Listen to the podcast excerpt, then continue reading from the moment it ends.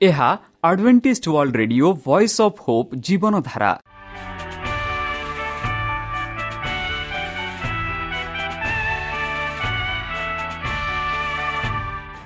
Odia radio କାର୍ଯ୍ୟକ୍ରମ ଯାହା ଆମର ଆନ୍ତର୍ଜାତୀୟ ଆଘାତ କେନ୍ଦ୍ରରୁ ପ୍ରସାରଣ କରାଯାଉଛି ପ୍ରତିଦିନ ରାତି ନଅଟା ତିରିଶ ମିନିଟ୍ରେ।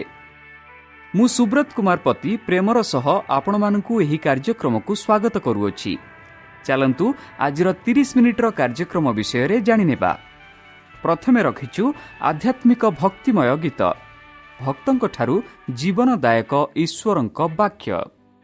ପ୍ରିୟ ଶ୍ରୋତା ତାହେଲେ ଚାଲନ୍ତୁ ଶୁଣିବା ଏକ ଆଧ୍ୟାତ୍ମିକ ଭକ୍ତିମୟ ଗୀତ।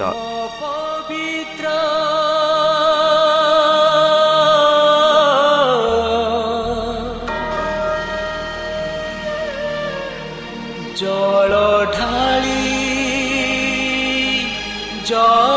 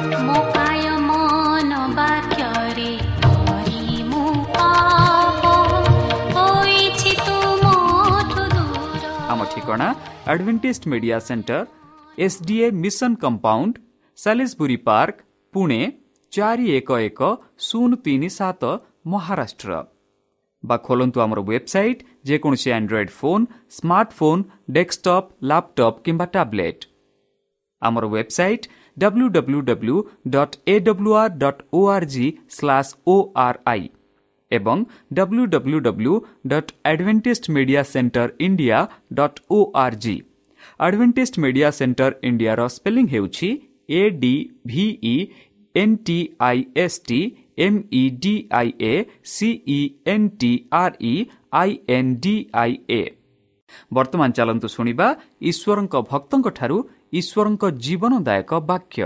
ମନୁଷ୍ୟର ପ୍ରକୃତି ଭାଗ ତିନି। ନମସ୍କାର ପ୍ରିୟ ଶ୍ରୋତା ସେହି ସର୍ବଶକ୍ତି ସର୍ବଜ୍ଞାନୀ ପ୍ରେମର ସାଗର ଦୟାମୟ ଅନ୍ତର୍ଜମୀ ଅନୁଗ୍ରହ ପରମ ପିତା ସେହି ମଧୁର ନାମରେ ଆପଣମାନଙ୍କୁ ଏହି କାର୍ଯ୍ୟକ୍ରମରେ ସ୍ୱାଗତ କରୁଅଛି। ସେହି ପରମ ପିତା ଆପଣମାନଙ୍କୁ ଆଶୀର୍ବାଦ କରନ୍ତୁ। ଆପଣଙ୍କୁ ସମସ୍ତ ପ୍ରକାର ଦୁଃଖ କଷ୍ଟ ବାଧା କ୍ଲେଶ ଓ ରୋଗରୁ ଦୂରେଇ ରଖନ୍ତୁ। ଶତ୍ରୁ ସଚେତନ ହସ୍ତରୁ ସେ ଆପଣଙ୍କୁ ସୁରକ୍ଷାରେ ରଖନ୍ତୁ। ସେହି ପରମେଶ୍ୱର ଆପଣଙ୍କ ସମସ୍ତ ମନୋକାମନା ପୂର୍ଣ୍ଣ କରନ୍ତୁ। ବିଶେଷ ଭାବରେ ବର୍ତ୍ତମାନ ଯେଉଁ କରୁଣା ମହାମାରୀ ସାରା ପୃଥିବୀକୁ ଆକ୍ରମଣ କରି ଚାଲିଛି ସେହି କରୁଣା ମହାମାରୀରୁ ଆପଣମାନଙ୍କୁ ସେହି ପରମେଶ୍ୱର ସୁରକ୍ଷାରେ ରଖନ୍ତୁ। ତାହାଙ୍କ ପ୍ରେମ ତାହାଙ୍କ ସ୍ନେହ ତାହାଙ୍କ କୃପା ତାହାଙ୍କ ଅନୁଗ୍ରହ ସଦାସର୍ବଦା ଆପଣଙ୍କଠାରେ ବାସ କରୁ। ପ୍ରିୟସତା ଚାଲନ୍ତୁ ଆଜି ଆମ୍ଭେମାନେ କିଛି ସମୟ ପବିତ୍ର ଶାସ୍ତ୍ର ବାଇବଲଠୁ ତାହାଙ୍କ ଜୀବନଦାୟକ ବାକ୍ୟ ଧ୍ୟାନ କରିବା। ଆଉ ଆଜିର ଆଲୋଚନା ହେଉଛି ମନୁଷ୍ୟର ପ୍ରକୃତି ଭାଗ ତିନି। ଭାଗ ଏକ ଭାଗ ଦୁଇ। କାଲି ପଦିନରେ ଆମେ ଆଲୋଚନା କରିସାରିଛେ। ଆଉ ଆଉ ଆଜି ଆମେ ଏହାର ଭାଗ ଶେଷ ଆଲୋଚନା କରିବାକୁ ଯାଉଅଛୁ। ଯେପରିକି ଭାଗ ଏକରେ ଆମେ ଆଲୋଚନା କରିଥିଲୁ ପ୍ରଭୁଙ୍କ ନିର୍ମାଣ ବ୍ୟକ୍ତି ଯେ କି ଯେଉଁ ଦାୟିତ୍ୱକୁ ମଣିଷକୁ ଦିଆଯାଇଥିଲା ଯେଉଁ ଆଦେଶ ମଣିଷକୁ ଦିଆଯାଇଥିଲା ସେହି ଆଦେଶରୁ ସେ ବାହାର ହେଇଛି। ଆଉ ଦ୍ୱିତୀୟ ଭାଗରେ ଆମେ ଦେଖାଉଛୁ ପରମେଶ୍ୱର କିପରି ଯୋଜନା କରନ୍ତି ସେ ମଣିଷକୁ ରକ୍ଷା କରିବା ପାଇଁ। ଆଉ ପରିଶେଷ ପରମେଶ୍ୱର ଆମମାନଙ୍କୁ କହୁଛନ୍ତି ଆମେ କିପରି ନିଜକୁ ସୁରକ୍ଷିତ ରଖିବା? ଏହି ସାଂସାରିକ ଜୀବନରେ ଆମେ କିପରି ସୁରକ୍ଷିତ ରଖିବା? ଆମେ କିପରି ତାହାଙ୍କଠାରେ ଦୃଢ଼ ରୂପେ ବିଶ୍ୱାସ ରଖି ଆଗକୁ ବଢ଼ିପାରିବା? ପରମେଶ୍ୱର ତାହାଙ୍କ ପୁତ୍ରଙ୍କ ଦ୍ୱାରା ଆମମାନଙ୍କୁ ଶିକ୍ଷା ପ୍ରଦାନ ଦେଲେ ଯେ ଯେବେ ଯୀଶୁଖ୍ରୀଷ୍ଟ ଏହି ପୃଥିବୀକୁ ଆସିଲେ ମନେ ରଖନ୍ତୁ ବନ୍ଧୁ ଯୀଶୁଖ୍ରୀଷ୍ଟ ମନୁଷ୍ୟ ଦ୍ୱାରା ଜନ୍ମ ହୋଇଥିଲେ। ଏଥି କାରଣରୁ ଯୀଶୁଖ୍ରୀଷ୍ଟକୁ ମନୁଷ୍ୟ ପୁତ୍ର ବୋଲି ଡକାଯାଉଥିଲା। ପ୍ରଭୁଙ୍କ ପୁତ୍ର ବି ବୋଲି ଡକାଯାଉଥିଲା।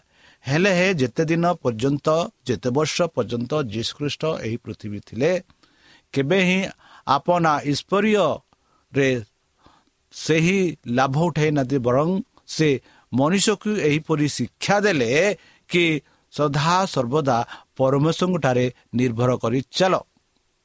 ପରମେଶ୍ୱରଙ୍କଠାରେ ନିଜକୁ ସମର୍ପଣ କର। ଆମେ ଯୀଶୁଖ୍ରୀଷ୍ଟଙ୍କ ଜୀବନ ଦ୍ୱାରା ଆମେ ଜାଣିପାରୁଛୁ ଯେ ତାହାଙ୍କ ଜୀବନ ସାରା କୌଣସି ପାପ କରିନାହାନ୍ତି ବା କିଛି ଭୁଲ କରିନାହାନ୍ତି ବରଂ ସଦାସର୍ବଦା ସତ୍କର୍ମ କଲେ ସାହାଯ୍ୟ କଲେ ସୁସ୍ଥ କଲେ ଈଶ୍ୱରଙ୍କ ବାକ୍ୟ ତାଙ୍କ ରାଜ୍ୟ ବିଷୟରେ ପ୍ରଚାର କଲେ। ତାହା ନୁହେଁ ସେ ଉଦାହରଣ ରୂପେ ସମସ୍ତଙ୍କୁ ଛାଡ଼ିଦେଲେ। ଯେପରି ତାହାଙ୍କ ଜୀବନରେ ତାହାଙ୍କ ଜୀବନ ଅନୁସାରେ ଆମେ ଆମ ଜୀବନକୁ ପରିଚାଳନା କରିପାରିବା। ଏହିପରି ଜୀବନରେ ସେ ଏହି ପୃଥିବୀରେ ଥିଲେ। ଆଉ ପରିଶେଷ ଏହି ଯେଉଁ ପାପ ମଣିଷ ପାଇ ଏହି ଯେଉଁ ପାପୀ ମଣିଷମାନଙ୍କ ପାଇଁ ନିଜ ଜୀବନ ଦାନ ଦେଲେ। ଆଉ ମନେ ରଖନ୍ତୁ ବନ୍ଧୁ ଯେବେ ଯୀଶୁଖ୍ରୀଷ୍ଟ କୃଷରେ ଟଙ୍କା ଯାଇଥିଲେ ସେତେବେଳେ ଆପଣା ପିତାଙ୍କଠାରେ ସେ ଅନୁରୋଧ କରି ପ୍ରାର୍ଥନା କରୁଛନ୍ତି ପିତ। ଏମାନେ ଜାଣିନାହାନ୍ତି କ'ଣ କ'ଣ କରୁଛନ୍ତି ସେମାନଙ୍କୁ କ୍ଷମା କର। ତାଙ୍କ କୃଷବିଧ ସମୟରେ ବି ପ୍ରଭୁ ଯୀଶୁ ଆପଣା ଶତ୍ରୁମାନଙ୍କ ପାଇଁ ଆପଣା ପ୍ରଜାଙ୍କ ପାଇଁ ଆପଣା ଲୋକଙ୍କ ପାଇଁ ସେ ପ୍ରାର୍ଥନା କଲେ। ଆଉ ବର୍ତ୍ତମାନ ଯେପରିକି ଫିଲିପିଓ ତିନି ଉଣେଇଶରେ ଆମେ ଦେଖୁଅଛୁ ସେମାନଙ୍କ ପରିଣାମ ବିନାଶ ଉଦର ସେମାନଙ୍କ ଦେବତା ସେମାନେ ଆପଣା ଆପଣା ଲଜ୍ଜକୁ ଦପର ବିଷୟ ମନେ କରନ୍ତି। ପୁଣି ପାର୍ଥିବ ବିଷୟ ଗୁଡ଼ିକରେ ଆସକ୍ତ ଅଟନ୍ତି। ବନ୍ଧୁ ଯେତେ ସମୟରେ ଆମେ ପୃଥିବୀରେ ବାସ କରୁଅଛୁ ଆମେ ଭିନ୍ନ ବିଭିନ୍ନ ଜିନିଷରେ ନିଜକୁ ସମର୍ପିତ କରିଥାଉ। ସାଂସାରିକ ଜୀବନରେ ରାଜନୈତିକ ଜୀବନରେ ବିଭିନ୍ନ ଜୀବନରେ ବି ନିଜ ନିଜକୁ ସମର୍ପିତ କରିଅଛୁ। ଆଉ ସେଇ ଜୀବନରେ ଯେବେ ଆମେ ରହୁଛୁ ତାର ପରିଣାମ ହେଉଛି ବିନାଶ।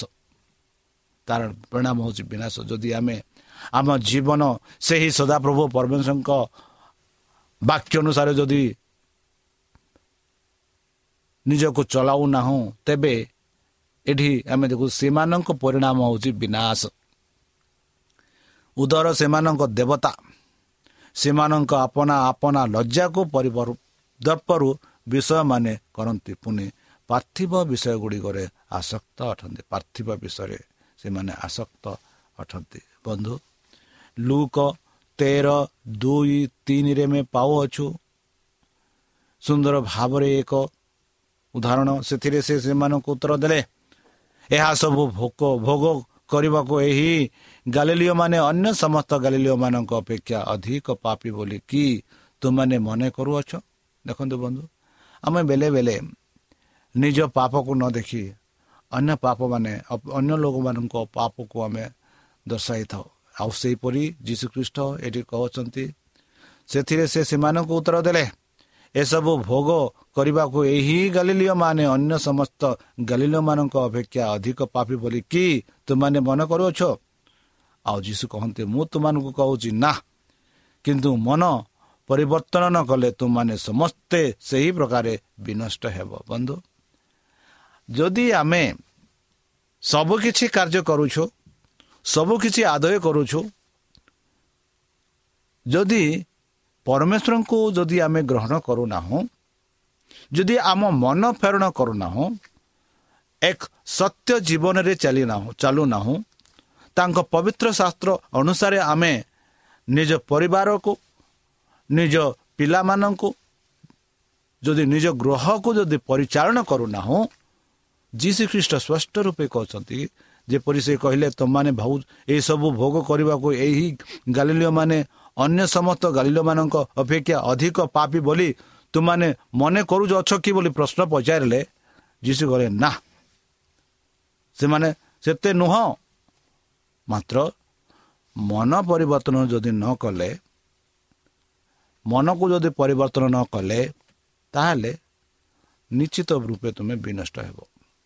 ଯେଉଁ ବ୍ୟକ୍ତି ଯଦି ପାପ କାମ କରିଛି ହଁ ମୁଁ ପାପ କାମ କରିଛି ବୋଲି ସ୍ୱୀକାର କରୁଛି ଆଉ ସ୍ୱୀକାର କରି ତାଙ୍କ ଜୀବନକୁ ଯୀଶୁଖ୍ରୀଷ୍ଟଙ୍କ ହସ୍ତରେ ସମର୍ପଣ କରୁଛି ଆଉ ସମର୍ପଣ କଲା ପରେ ନିଜକୁ ପରିବର୍ତ୍ତନ କରୁଛି ସେ କେବେ ହେଲେ ବିନଷ୍ଟ ହେବ ନାହିଁ। କାରଣ ସେ ଯୀଶୁଖ୍ରୀଷ୍ଟଙ୍କ ଆଶ୍ରୟ ନେଇଛନ୍ତି। ଯୀଶୁଖ୍ରୀଷ୍ଟଙ୍କ ଛାୟାରେ ସେ ଅଛି। ଆଉ ପବିତ୍ର ଆତ୍ମା ତାହାକୁ ସାହାଯ୍ୟ କରୁଛି। ଏଥି କାରଣରୁ ସେ କେବେ ହେଲେ ବିନଷ୍ଟ ହେବ ନାହିଁ ଯେହେତୁ ଯୀଶୁଖ୍ରୀଷ୍ଟ ତାହାଙ୍କ ସହ ଅଛନ୍ତି। ପବିତ୍ର ଆତ୍ମା ତାହାଙ୍କୁ ସାହାଯ୍ୟ କରୁଛନ୍ତି।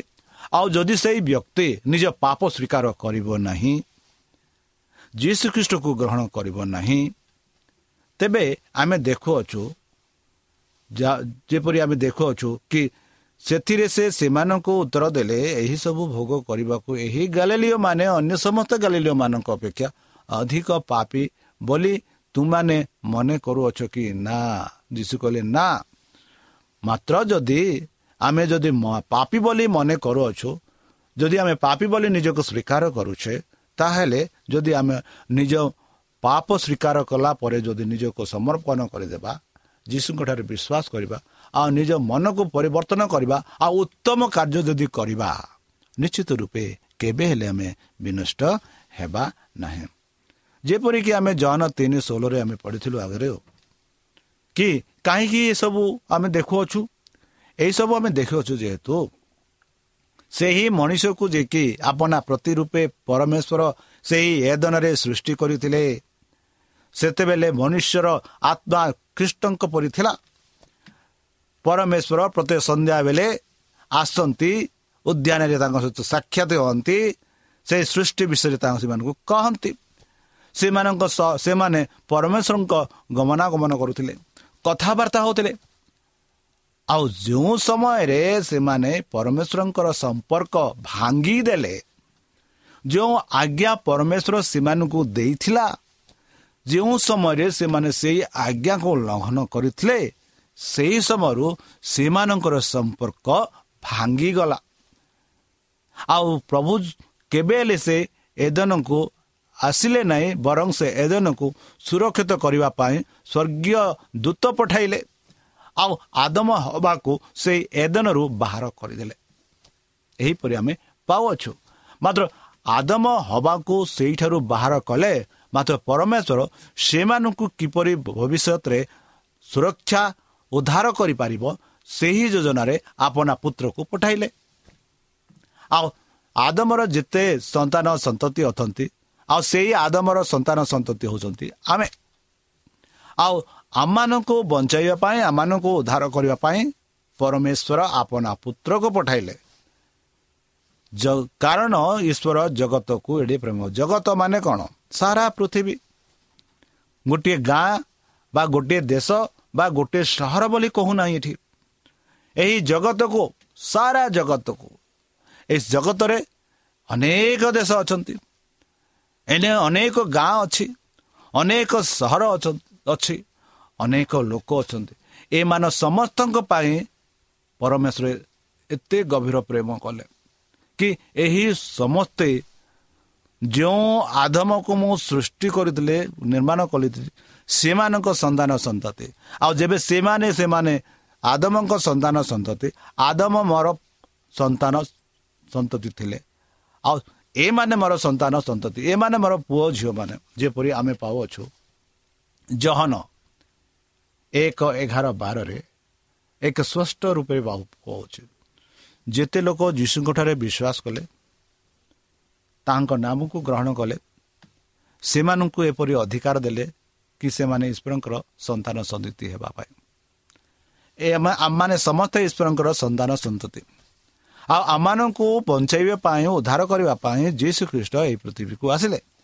ଆଉ ଯୀଶୁ ଖ୍ରୀଷ୍ଟକୁ କିଏ ପଠାଇଲେ? ସେହି ପରମ ପିତା। କାରଣ ଈଶ୍ୱର ଜଗତକୁ ଏଡ଼େ ପ୍ରେମ କଲେ। ଯେ ସେ ଆପଣା ଆଦିତ୍ୟ ପୁତ୍ରକୁ ଦାନ କଲେ। ମନେ ରଖନ୍ତୁ ଏକମାତ୍ର ପୁତ୍ର। ଏକମାତ୍ର ପୁତ୍ର ସେଇ ଏକମାତ୍ର ପୁତ୍ରକୁ ସେ ପଠାଇଲେ ପୃଥିବୀକୁ। କାହିଁକି? ସେ ପଠାଇଲେ ଯେପରିକି ସେଇ ଯୀଶୁଖ୍ରୀଷ୍ଟ ଶୈତାନକୁ ହରାଇ ସେଇ ଶୈତାନ ହସ୍ତରୁ ଆପଣା ପୁତ୍ରକୁ ଉଦ୍ଧାର କରି ସେଇ ସ୍ୱର୍ଗରାଜକୁ ନେବ। ଏହି କାରଣରୁ ଯୀଶୁଖ୍ରୀଷ୍ଟକୁ ଏହି ପୃଥିବୀକୁ ପରମେଶ୍ୱର ପଠାଇଲେ। ଆଉ ଯୀଶୁଖ୍ରୀଷ୍ଟ ଯେବେ ଏହି ପୃଥିବୀକୁ ଆସିଲେ ଆମେ ଯୀଶୁଖ୍ରୀଷ୍ଟଙ୍କ କାହାଣୀ ଭଲ ଭାବରେ ଜାଣିଛୁ କିପରି ଯୀଶୁଖ୍ରୀଷ୍ଟ ଆପଣା ଜୀବନକୁ ଏହି ପୃଥିବୀରେ ଚଲାଇଥିଲେ? କିପରି ଦୁଃଖ ସେ ସମ୍ମୁଖୀନ ହୋଇଥିଲେ? ଆଉ କିପରି ମୃତ୍ୟୁବରଣ ହୋଇଥିଲେ? ତାହା ବିଷୟରେ ଆମେ ଭଲ ଭାବରେ ଜାଣିଛୁ। ଆଉ ଏଥି କାରଣ ସେ କହନ୍ତି ଯେହେତୁ ଏହି ଯୀଶୁଖ୍ରୀଷ୍ଟ ଯେ କି ଦୁଃଖ କଷ୍ଟ ସବୁ ଭୋଗି ପରିଶେଷ ମୃତ୍ୟୁ ହୋଇ ତାପରେ ପୁନୀତ ହେଲେ ବର୍ତ୍ତମାନ ସେ ସ୍ୱର୍ଗରେ ଅଛନ୍ତି। ଆଉ ଯେ କେହି ତାଙ୍କଠାରେ ବିଶ୍ୱାସ କରେ ବନ୍ଧୁ ଯେ କେହି ତାଙ୍କଠାରେ ବିଶ୍ୱାସ କରେ ଏଠି ଆମେ କାହାକୁ ଫରକ କରୁନାହୁଁ ଯେ କେହି ତାହାଙ୍କଠାରେ ବିଶ୍ୱାସ କରେ ସେ ଅନଜୀବନ ପ୍ରାପ୍ତ ହେବ ମାନେ ଅନନ୍ତ ଜୀବନ ପ୍ରାପ୍ତ ହେବ। ଅନନ୍ତ ଜୀବନ ପ୍ରାପ୍ତ ହେବ। ବନ୍ଧୁ ଦ୍ୱିତୀୟ ଥେସଲନୀୟ ଏକ ନ ଅର୍ଥାତ୍ ଯେଉଁଦିନ ସେ ଆପଣା ସାଧୁମାନଙ୍କ ଦ୍ୱାରା ଗୌରବାନ୍ୱିତ ହେବାକୁ ଓ ବିଶ୍ୱାସ କରୁଥିବା ଲୋକ ସମସ୍ତଙ୍କ ଦ୍ୱାରା ଚମତ୍କାରର ଦୃଶ୍ୟ ସ୍ୱରୂପ ହେବାକୁ ଆସିବେ। କାରଣ ତୁମାନଙ୍କ ନିକଟରେ ଆମମାନଙ୍କ ସାକ୍ଷ୍ୟ ତୁମାନେ ବିଶ୍ୱାସ କରିଅଛ। ବନ୍ଧୁ ଏହି ଦିନ ପାଇଁ ଆମେ ଆଗ୍ରହରେ ଅଛୁ। ଯେଉଁ ଦିନରେ ସେହି ପରମେଶ୍ୱର ଆପଣା ସାଧୁମାନଙ୍କ ଦ୍ୱାରା ଗୌରବାନ୍ୱିତ ହେବାକୁ ଓ ବିଶ୍ୱାସ କରୁଥିବା ଲୋକ ସମସ୍ତଙ୍କ ଦ୍ୱାରା ଚମତ୍କାର ଦୃଶ୍ୟ ସ୍ୱରୂପ ହେବାକୁ ଆସିବେ। ଆଉ ସେଇ ଦିନକୁ ଆମେ ଅପେକ୍ଷା କରି ଅଛୁ। କ'ଣ ଆପଣମାନେ ସେଇ ଦିନ ପାଇଁ ଅପେକ୍ଷା କରି ଅଛନ୍ତି କି? ହଁ ମୁଁ ଅପେକ୍ଷା କରି ଅଛି। ବନ୍ଧୁ ଯେହେତୁ ମୋ ପ୍ରଭୁ ମୋ ଯୀଶୁ ବହୁ ଶୀଘ୍ର ଆସିଲେ ମୁଁ ତାହାଙ୍କ ସହ ମିଶି ସେହି ସ୍ୱର୍ଗରାଜ୍ୟ ଯିବା ପାଇଁ ମୁଁ ଆଗ୍ରହରେ ଅଛି। କାହିଁକି? ଏହି ଯେଉଁ ସାଂସାରିକ ଜୀବନ ଛନେକ ମାତ୍ର। ଏହି ସାଂସାରିକ ଜୀବନରେ ଆମେ ଦୁଃଖ କଷ୍ଟ ବାଧା ମୃତ୍ୟୁ ସବୁ ଭୋଗୁଅଛୁ। ମାତ୍ର ଯେବେ ଆମେ ସ୍ୱର୍ଗରାଜ ଯିବା ସେଠି ଦୁଃଖ ନାହିଁ କଷ୍ଟ ନାହିଁ ମୃତ୍ୟୁ ନାହିଁ ରୋଗ ନାହିଁ କିଛି ନାହିଁ। ସଦା ସର୍ବଦା ସେହି ପରମେଶ୍ୱରଙ୍କ ସହ ଆନନ୍ଦରେ ଉଲ୍ଲାସିତରେ ବାସ କରିବା। ଏହା ଏହି ଜୀବନ। ମୁଁ ଚାହୁଁଛି। କ'ଣ ଆପଣମାନେ ସେହି ଜୀବନ ଚାହୁଁଛନ୍ତି କି? ଯେପରି ଆଦି ତିନି ଚାରିରେ ସେହି ସର୍ପ ଯାହାକି ହବାକୁ ଏହିପରି ପ୍ରବଞ୍ଚନା ଦେଲା ସେ ଗଲେ ସର୍ପ ନାରୀଙ୍କୁ କହିଲା ତୁମେମାନେ କୌଣସି ରୂପେ ମରିବ ନାହିଁ। ବନ୍ଧୁ କ'ଣ ଏହି କଥାକୁ ଆପଣମାନେ ବିଶ୍ୱାସ କରୁଛ କି? କୌଣସି ରୂପେ ମରିବ ନାହିଁ? ହଁ ନିଶ୍ଚିତ ରୂପେ ମରିବ। ଯେବେ ଶୈତାନକୁ ବିଶ୍ୱାସ କରିବ ନିଶ୍ଚିତ ରୂପେ ମରିବ। ନିଶ୍ଚିତ ରୂପେ ମରିବା। ଆଉ ଶୈତାନଟି କହନ୍ତି ନାରୀ କି ତୁମେମାନେ କୌଣସି ରୂପେ ମରିବ ନାହିଁ। ବନ୍ଧୁ ଶୈତାନ ଆମମାନଙ୍କୁ ଏହିପରି ଆସି କହନ୍ତି। ଯେପରି ନାରୀକୁ କହିଲେ ଆରେ ନାଗ ନାରୀ ତୁମାନେ କୌଣସି ରୂପେ ମରିବ ନାହିଁ ବରଂ ତୁମେ ପ୍ରଭୁଙ୍କ ପରି ହେବ। ବନ୍ଧୁ? ଆମେ ଏହିପରି ନିଜକୁ କହିଥାଉ କି ମୁଁ କେବେ ମରଣ ଭୋଗିବି ନାହିଁ। ମରଣ ନିଶ୍ଚିତ। ମରଣ ନିଶ୍ଚିତ। ମାଠିର ଶରୀର ମାଠିରେ ଲୀନ। ଯଦି ଆମେ ପରମେଶ୍ୱରଙ୍କଠାରେ ବିଶ୍ୱାସ କରୁଛୁ ସେ ପୁନରିତ ଖ୍ରୀଷ୍ଟଙ୍କଠାରେ ବିଶ୍ୱାସ କରୁଛୁ ନିଶ୍ଚିତ ରୂପେ ତାଙ୍କ ପରେ ଆମେ ପୁନରିତ ହେବା ଯେବେ ସେ ଆସିବେ। ଯେପରିକି ପ୍ରକାଶିତ ବାର ନରେ ଆମେ ବଜୁ ସେଥିରେ ସର୍ବ ଜଗତର ପ୍ରବଞ୍ଚକ ଦିଆବଲ ଓ ଶୈତାନ ନାମରେ ଖ୍ୟାତ ଯେ ପ୍ରକାଣ୍ଡ ସର୍ପ ସେହି ପୁରାତନ ନାଗ ସେ ଆପଣା ଦୂତମାନଙ୍କ ସହିତ ପୃଥିବୀରେ ନିକ୍ଷିପ୍ତ ହେଲେ। ଦେଖନ୍ତୁ ବନ୍ଧୁ ସର୍ବଜଗତର ପ୍ରବଞ୍ଚକ କିଏ? ସେଇ ଶୈତାନ। ଏଠି ସ୍ପଷ୍ଟ ରୂପେ ଆମେ ପାଉଅଛୁ ସେଇ ଶୈତାନ।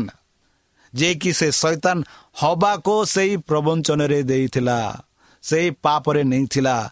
ଆଉ ବର୍ତ୍ତମାନ ସେଇ ଶୈତାନ ବର୍ତ୍ତମାନ ପୃଥିବୀରେ ପ୍ରତ୍ୟେକ ମନୁଷ୍ୟ ହୃଦୟରେ ମନରେ କାମ କରୁଅଛି।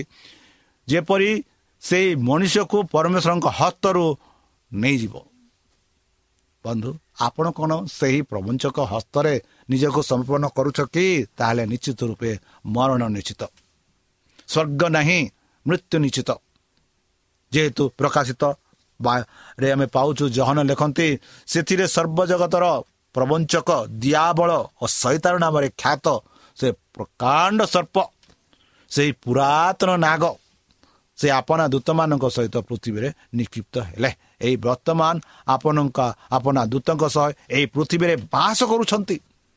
ଆଉ ପ୍ରତ୍ୟେକ ବ୍ୟକ୍ତିଙ୍କୁ ତାହାଙ୍କ ପ୍ରବଞ୍ଚନା ରୂପେ ସେମାନଙ୍କୁ ଈଶ୍ୱରଙ୍କ ଠାରୁ କଡ଼ାଇ ନେଇଯାଉଛନ୍ତି କ'ଣ ଆପଣ ସତର୍କରେ ଅଛନ୍ତି କି? ଯେହେତୁ ସୈତାନ ଏକ ସିଂହ ବୋଲି ଚାରିପଟେ ଘେରି ଆକ୍ରମଣ କରିବା ପାଇଁ ପ୍ରସ୍ତୁତ ଅଛି ବୋଲି ପିତର କହୁଛନ୍ତି। କ'ଣ ଆପଣମାନେ ସତର୍କ ଅଛନ୍ତି କି? ଯେହେତୁ ପ୍ରକାଶିତ ଆମମାନଙ୍କୁ ସତର୍କ ବାଲି ଦେଇ କହୁଛି କି ସର୍ବଜଗତର ପ୍ରବଞ୍ଚକ ଜଗତର ପ୍ରବଞ୍ଚକ ସେ ଦିଆବଳ ଓ ସୈତାନ ନାମରେ ଖ୍ୟାତ ସେ ହେଉଛି ପ୍ରଚଣ୍ଡ ସର୍ବ ଆଉ ସେ ସର୍ପ ଯେଉଁ ସର୍ପ ସେଇ ହବାକୁ ଦର୍ଶନ ଦେଇଥିଲେ ସେଇ ପୁରୁଣା ନାଗ। ଆପଣା ଦୂତମାନଙ୍କ ସହିତ ସେଇ ଦୂତମାନେ ଯେଉଁମାନେ ସ୍ୱର୍ଗରେ ଥିଲେ ବର୍ତ୍ତମାନ ପୃଥିବୀରେ ଅଛନ୍ତି ସେଇ ଦୁଷ୍ଟ ଦୂତମାନେ ସେ ବର୍ତ୍ତମାନ ଅଛନ୍ତି। ଜହନ ଆଠ ଚଉରାଳିଶରେ ଆମେ ପାଉଛୁ ତୁମେମାନେ ତୁମମାନଙ୍କ ପିତା ସୈତାନ ଠାରୁ ଉତ୍ପନ୍ନ ଆଉ ତୁମମାନଙ୍କ ପିତାର ନା କାମନା ସାଧନ କରିବା ତୁମମାନଙ୍କ ଇଚ୍ଛା। ସେ ଆଦ୍ୟରୁ ନରକ ନରଘାତକ ଆଉ ସେ ସତ୍ୟରେ ରହେ ନାହିଁ। କାରଣ କାହାଠାରେ ସତ୍ୟ ନାହିଁ ଯେତେବେଳେ ସେ ମିଥ୍ୟା କହେ ସେତେବେଳେ ସେ ନିଜଠାରୁ କହେ କାରଣ ସେ ମିଥ୍ୟାବାଦୀ ଓ ମିଥ୍ୟାବାଦୀର ପିତା। ବନ୍ଧୁ ପରିଶେଷ ଆମମାନଙ୍କୁ ଆସୁଅଛି। ସେଇ ମିଥ୍ୟାବାଦୀ ସୈତାନ ଦେଖି ଆରମ୍ଭରେ ହବାକୁ ମିଥ୍ୟା କହି ପାପରେ ଡୁବେଇଲା। ବର୍ତ୍ତମାନ ଏହି ପୃଥିବୀରେ ଅଛି। ଆମମାନଙ୍କୁ ମିଥ୍ୟା କହି ପାପରେ ଡୁବାଇବା ପାଇଁ ଇଚ୍ଛା କରୁଅଛି। ଆପଣମାନେ କ'ଣ ସେହି ପାପରେ ଡୁବିବା ପାଇଁ ଇଚ୍ଛା କରୁଛନ୍ତି କି? ଯେହେତୁ ଶୈତାନ କେବେ ହେଲେ ସତ୍ୟ କହିନାହିଁ ସେ ଏକ ମିଥ୍ୟାବାଦୀ। ଯଦି ଶୈତାନ ଠାରେ ଆମେ ବିଶ୍ୱାସ କରୁଛୁ ତେବେ ଆମେ ଶୈତାନର ପୁଅ ଝିଅ ହେଉଛି ସେ ଆମର ପିତା ହେଉଛି ମାତା ହେବ। ଏଥି ଯୋଗୁଁ ଯୀଶୁ ଖ୍ରୀଷ୍ଟ କହୁଛନ୍ତି ତୁମେମାନେ ତୁମମାନଙ୍କ ପିତା ଶୈତାନ ଠାରୁ ଉତ୍ପନ୍ନ। ଆଉ ତୁମମାନେ ତୁମମାନଙ୍କ ପିତାର କାମନା ସାଧନ କରିବା ତୁମମାନଙ୍କ ଇଚ୍ଛା। ସେ ଆଦ୍ୟର ନଗର ନରଗାଥକ ଆଉ ସେ ସତ୍ୟରେ ନାହିଁ କାରଣ ତାହାଠାରେ ସତ୍ୟ ନାହିଁ ସେତେବେଳେ ଯେତେବେଳେ ସେ ମିଥ୍ୟା କହେ ସେତେବେଳେ ସେ ନିଜ ଠାରୁ କହେ କାରଣ ସେ ମିଥ୍ୟାବାଦୀ ସେ ମିଥ୍ୟାବାଦୀର ପିତା କ'ଣ ଆପଣମାନେ ସେହି ସ୍ୱର୍ଗତ ପିତାଙ୍କ ଠାରେ ବିଶ୍ୱାସ କରିବା ପାଇଁ ଚାହୁଁଛନ୍ତି କି ବର୍ତ୍ତମାନ ହିଁ ସେହି ସମୟ ମନୁଷ୍ୟର ପ୍ରକୃତି ବିଷୟରେ ଆମେ ଆଲୋଚନା କଲୁ ଏହି ତିନି ଦିନ ଶୈତାନର ଏହି ଯେ ଏହି ମଣିଷ ଯିଏକି ପରମେଶ୍ୱରଙ୍କ ହସ୍ତରୁ ସୃଷ୍ଟି ହୋଇଛି ଏହି ମଣିଷକୁ ମୁଁ ବିନଷ୍ଟ କରିଦେବି ଯେପରି ଆରମ୍ଭରେ କରିଥିଲା ବର୍ତ୍ତମାନ ବି ସେହି ଚେଷ୍ଟାରେ ଲାଗିଅଛି। ପ୍ରିୟ ବନ୍ଧୁ ତାହେଲେ ଚାଲନ୍ତୁ ସେହି ଯୀଶୁଖ୍ରୀଷ୍ଟଙ୍କ ଠାରେ ନିଜକୁ ସମର୍ପଣ କରି ତାହାଙ୍କ ମଧୁର ନାମରେ ଆମେ ପ୍ରାର୍ଥନା ଉତ୍ସର୍ଗ କରିବା। ଯେହେତୁ ଯୀଶୁଖ୍ରୀଷ୍ଟ ବହୁ ଶୀଘ୍ର ଆସୁଅଛନ୍ତି ତାହେଲେ ଚାଲନ୍ତୁ ତାହାଙ୍କ ନାମରେ ଏକ ଛୋଟ ପ୍ରାର୍ଥନା ଅର୍ପଣ କରିବା। ହେ ଆମ୍ଭମାନଙ୍କ ସର୍ବଶକ୍ତି ସର୍ବଜ୍ଞାନୀ ପ୍ରେମର ସାଗର ଦୟାମୟ ଅନ୍ତର୍ଜମୀ ଅନୁଗ୍ରହ ପରମ ପିତା ଧନ୍ୟବାଦ ଅର୍ପଣ କରୁଛୁ ପ୍ରଭୁ ବର୍ତ୍ତମାନ ଯେଉଁ ବାକ୍ୟ ତୁମ ସେହି ଭକ୍ତ ଶୁଣାଇଲେ ସେହି ବାକ୍ୟ ଅନୁସାରେ ଏମାନଙ୍କୁ ଚାଲିବା ପାଇଁ ବୁଦ୍ଧିରେ ଜ୍ଞାନରେ ଶକ୍ତିରେ ପରିପୂର୍ଣ୍ଣ କର। ଆମ ପାପ ସବୁ ତୁମ ସେହି ବହୁମୂଲ୍ୟରେ ପରିଷ୍କାର ରୂପେ ଧୋଇ ଦିଅ। ସେହି ପବିତ୍ର ଆତ୍ମା ଦ୍ୱାରା ଆମମାନଙ୍କୁ ପରିଚାଳନା କର। ପରିଶେଷ ଯେବେ ତୁମେ ତୁମ ସେହି ସହସ୍ରଦୂତଙ୍କ ସହ ଆସିବେ ସେତେବେଳେ ଆମମାନଙ୍କୁ ଏକ ବାସସ୍ଥାନ ଦେବୁ ତ୍ରାଣକର୍ତ୍ତା ପ୍ରଭୁ ଶିଶୁଙ୍କ ମଧୁମୟ ନାମରେ ଏହି ଛୋଟ ବିକ୍ଷମ ଅଛି ଶୁଣି ଗ୍ରହଣ କର। ପ୍ରିୟ ଶ୍ରୋତା ଆମେ ଆଶା କରୁଛୁ ଯେ ଆମର କାର୍ଯ୍ୟକ୍ରମ ଆପଣମାନଙ୍କୁ ପସନ୍ଦ ଲାଗୁଥିବ। ଆପଣଙ୍କର ମତାମତ ଜଣାଇବା ପାଇଁ ଆମର ଏହି ଠିକଣାରେ ଯୋଗାଯୋଗ କରନ୍ତୁ। ଆମ ଠିକଣା Adventist Media Centre SDA Mission Compound Salisbury Park Pune ଚାରି ଏକ ଏକ ଶୂନ ତିନି ସାତ ମହାରାଷ୍ଟ୍ର। ବା ଖୋଲନ୍ତୁ ଆମର ୱେବସାଇଟ୍ ଯେକୌଣସି Android phone smartphone desktop laptop କିମ୍ବା ଟ୍ୟାବ୍ଲେଟ୍ ଆମର website W W W dot A W R dot O R G slash O R I ଏବଂ W W W dot Adventist media centre India dot O R G Adventist media centre ଇଣ୍ଡିଆର spelling ହେଉଛି A D V N T I S T M E D I A C E N T R E I N D I ଏ ଅଥବା download କରନ୍ତୁ ଆମର mobile app ଆପଣଙ୍କର mobile play ଷ୍ଟୋରକୁ ଯାଆନ୍ତୁ ଆଉ type କରନ୍ତୁ ଦ ଭଏସ୍ ଅଫ୍ ହୋପ୍ ଆଉ download କରନ୍ତୁ। ଈଶ୍ୱର ଆପଣଙ୍କୁ ଆଶୀର୍ବାଦ କରନ୍ତୁ।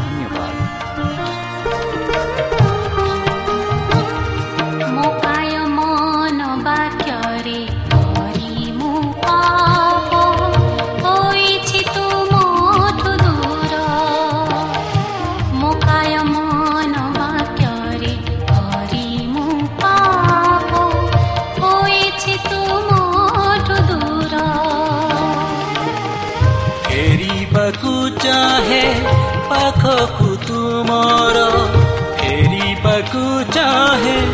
ପାଖକୁ ତୁମର କରି ଅନୁତାପ ବାର ବାର